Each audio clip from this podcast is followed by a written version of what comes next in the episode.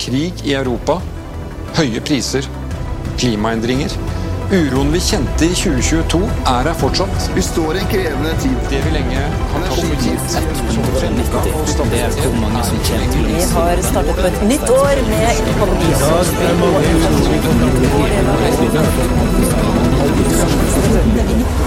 Jeg er ikke lyden av penger som renner ut i sluket. I 2022 hadde vi den største prisveksten i manns minne. Hva er det som kommer til å skje nå i 2023? Og hvordan kommer det til å påvirke deg og meg? Du hører på Hva skjedde? Og jeg heter Anna Magnus.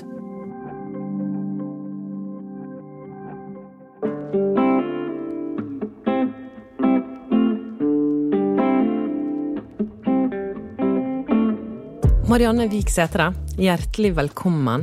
Du er regionsjef i DNB her på Vestlandet. Du er sjef på en av byens største private arbeidsplasser. Hvordan er det på jobb for tiden? Nei, nå er vi jo akkurat kommet i gang etter på nyåret, så det er veldig kjekt å, å være tilbake. Du, jeg har invitert deg fordi um, i fjor så var høsten preget av veldig mye kjipt. Det var krig, og fortsatt krig i Europa. Høye strømpriser, fallende boligmarked, høye matvarepriser, høye bensinpriser. Altså, alt har jo blitt dyrere. Og for å stagge dette og dempe aktiviteten i norsk økonomi, så har Norges Bank hevet rentene flere ganger. Det er kraftig medisin for befolkning som ikke har sett slike renter på over ti år. Og når vi har alt dette i mente, så har jeg lyst til å spørre om du kan se litt fremover for oss i spåkulen. Men før vi gjør det, så må vi se litt tilbake. Hva var det som skjedde i fjor, egentlig? Fjoråret var også preget av covid og, og nedstengninger, og ikke minst etterdønninger av pandemien. Og så gikk jo vi inn med litt sånn godt pågangsmot, og pandemien var over. Og så kom jo denne forferdelige hjerteskjærende bildene fra, fra, Ukraina.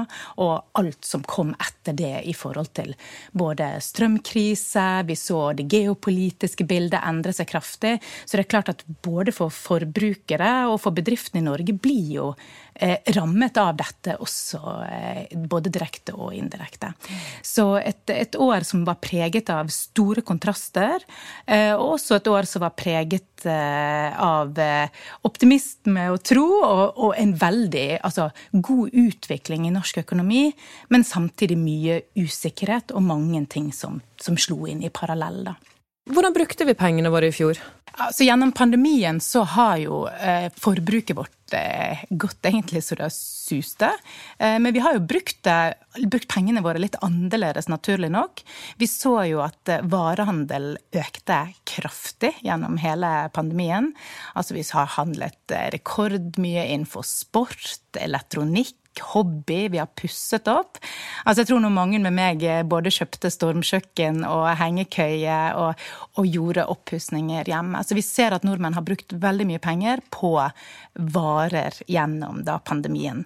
Og så har vi brukt da desto mindre på, på tjenester og uteliv, restaurant, reise, den type, type ting, da. Ja, hvordan, helt konkret, hvordan uh, fungerer det hos dere i DNB? Hvordan, kan, hvordan ser dere dette?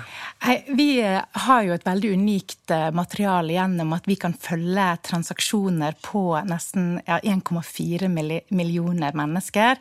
Og da gjennom å på en måte følge da alle disse kundene våre, hvordan man trekker kortet, eh, hva man trekker kortet på, så kan vi få en veldig god oversikt på hvordan vi, hvordan vi bruker pengene våre i, i Norge. Da.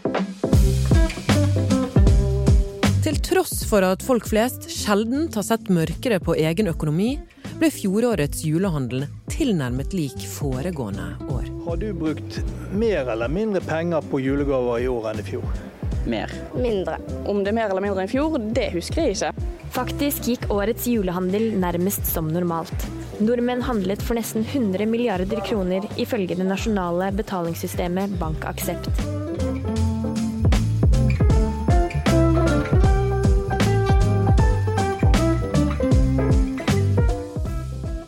sånn rart. Du ser jo at forbruket i Europa ellers har gått ned. Men i Norge så ser det ut som at det står stille. Hva, hva, hva tror du det kommer av?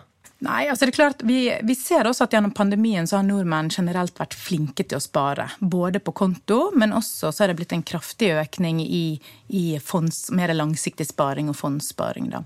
Eh, og så har jeg lyst til å trekke frem at spesielt kvinner har tatt mer grep i denne perioden. Vi har fått veldig mange nye kvinnelige eh, sparere, så det er veldig, veldig gledelig. Så jeg tror nok nordmenn har nok hatt litt ekstra krutt på kontoen, som kanskje har gjort at vi klarer å holde eh, forbruket vårt eh, noe høyere i en periode som også kostnadene har økt kraftig. Da. Mm.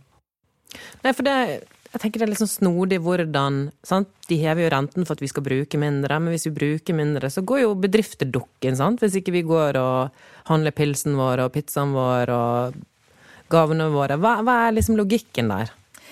Nei, det er jo det at vi ønsker å holde Altså Norges Bank ønsker å holde inflasjonen og, og, prisene på et fornuftig nivå. Så da er på en måte den sterkeste medisinen som vi har i, i norsk økonomi, er jo dette å, å heve, heve, styringsrenten, da. Eh, og så er det klart at i Norge også så har vi høy grad av bolig, boliggjeld. Altså, vi har eh, drømt om den drømmeboligen. Vi, vi, er et land der veldig mange investerer i egen bolig. Og så er vi også et land der vi, helt, vi er helt i verdenstoppen på å ha flytende rente. Eh, så det gjør jo at vi vi kommer til å reagere kanskje fortere enn andre land, sånn som USA f.eks. Har mye høyere grad av fastrente. Så det gjør jo at når sentralbanken der øker renten, så vil det kanskje ta litt mer tid før faktisk folk merker det på lommeboken. Mens i Norge så merker vi det raskere fordi at eh, vi får en økt kostnad på, på boligen vår, da. Første nyttårsdag så kom sjefen for Det internasjonale pengefondet, Kristalina Georgieva, og sa at 2023 ble et verre år for verdensøkonomien enn 2022. The EU very severely hit by the war in uh, uh European... Så det skal åpenbart bli tøffere. Hva tror du, Marianne, om forbruket fremover? Nei, altså vi, vi, tror jo, vi ser, så jo som sagt allerede tendensene mot slutten av 2022 at forbruket til nordmenn har gått ned. Og det tror vi vil fortsette, i, naturlig nok, i, i 2023.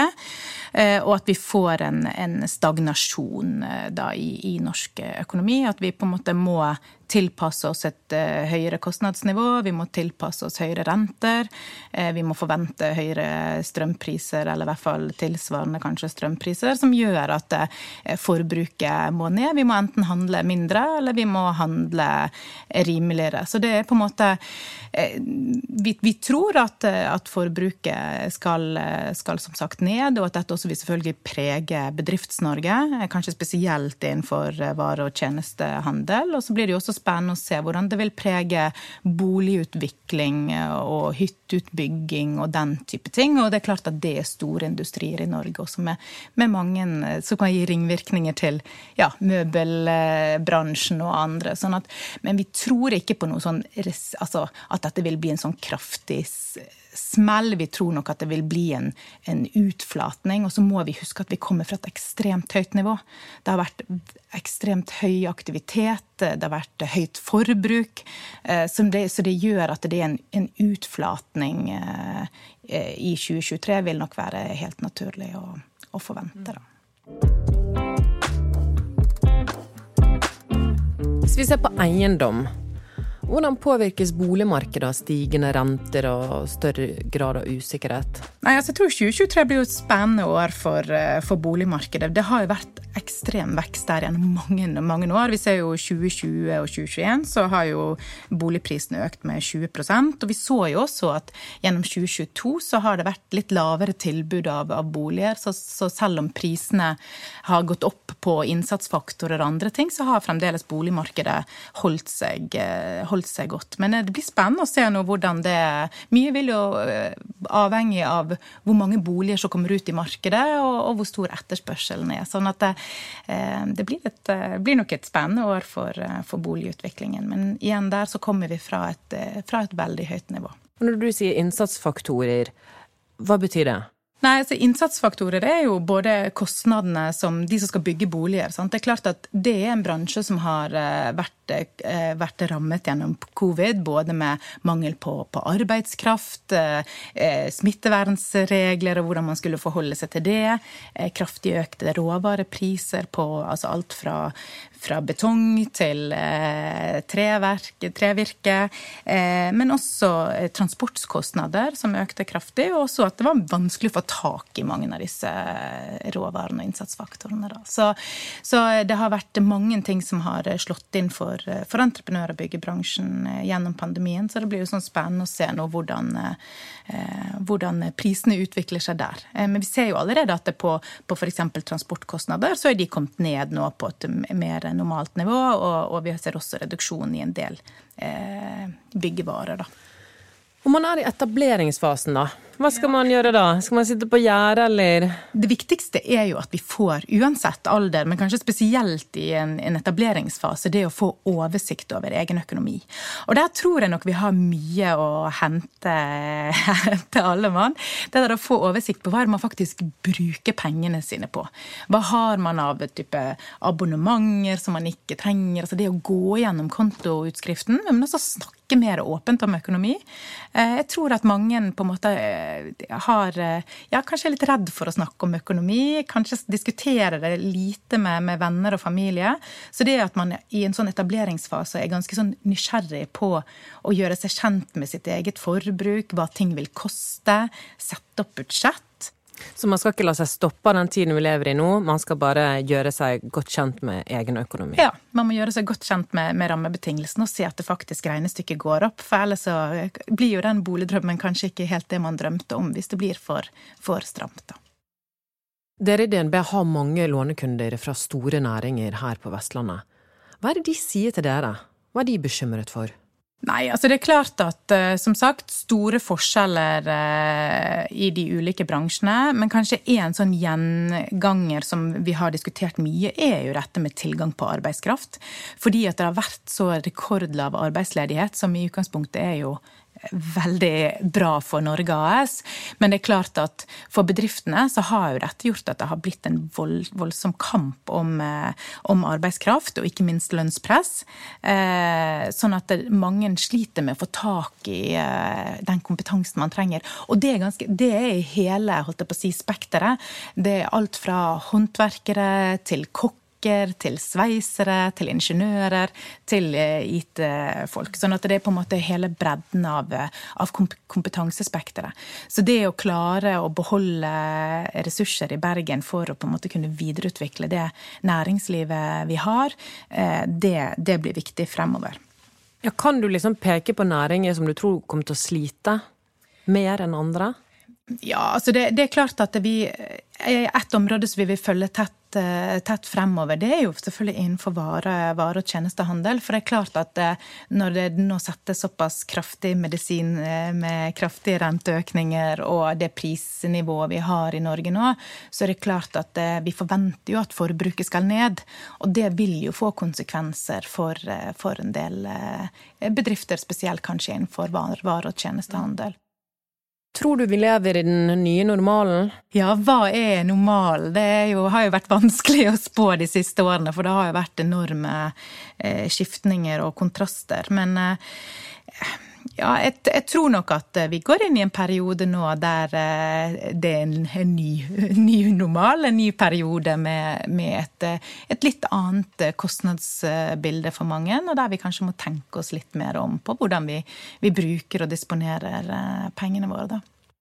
Ja, I det store og det hele, da, Marianne, når vi ser året i fjor og året som kommer. Hvordan eh, skiller bergenseren seg ut i forhold til resten av landet? Nei, altså Vi som bergensere liker jo å skille oss ut, eh, men altså, akkurat når det gjelder forbruk, så må jeg beklage å si at bergensere vi er helt på, helt på snittet med resten av eh, Norge. Og ja, kvinner og menn handler like mye, og det er ikke noe sånn juicy fun fact å trekke ut. Vi er Hellene, ikke helt, noe spesielle? Nei, helt på snittet. Før du går videre, så skal jeg fortelle deg noe gøy. Denne våren skal vi i podkastredaksjonen i Bergens Tidende gå dypere til verks og fortelle deg om de virkelig store og dramatiske sakene fra Vestlandet. Derfor kommer vi ikke lenger ut med flere korte episoder i uken, sånn som vi har pleid å gjøre. Nå skal vi lage serier, gjerne med flere episoder, der vi graver oss ned i både gamle og nye historier. Vi ønsker at du som lytter skal få møte menneskene som har stått midt oppi det dramatiske nyhetsbildet, og få vite hvordan det har gått med dem i ettertid. Har noe på hjertet, eller vil tipse oss om en historie du aldri har glemt, så ta gjerne kontakt med oss på e-post. Hva skjedde? at bt.no. Og denne siste korte nyhetsepisoden den er laget av Arvestigen og meg, Anna Magnus. Du har også hørt klipp fra NRK.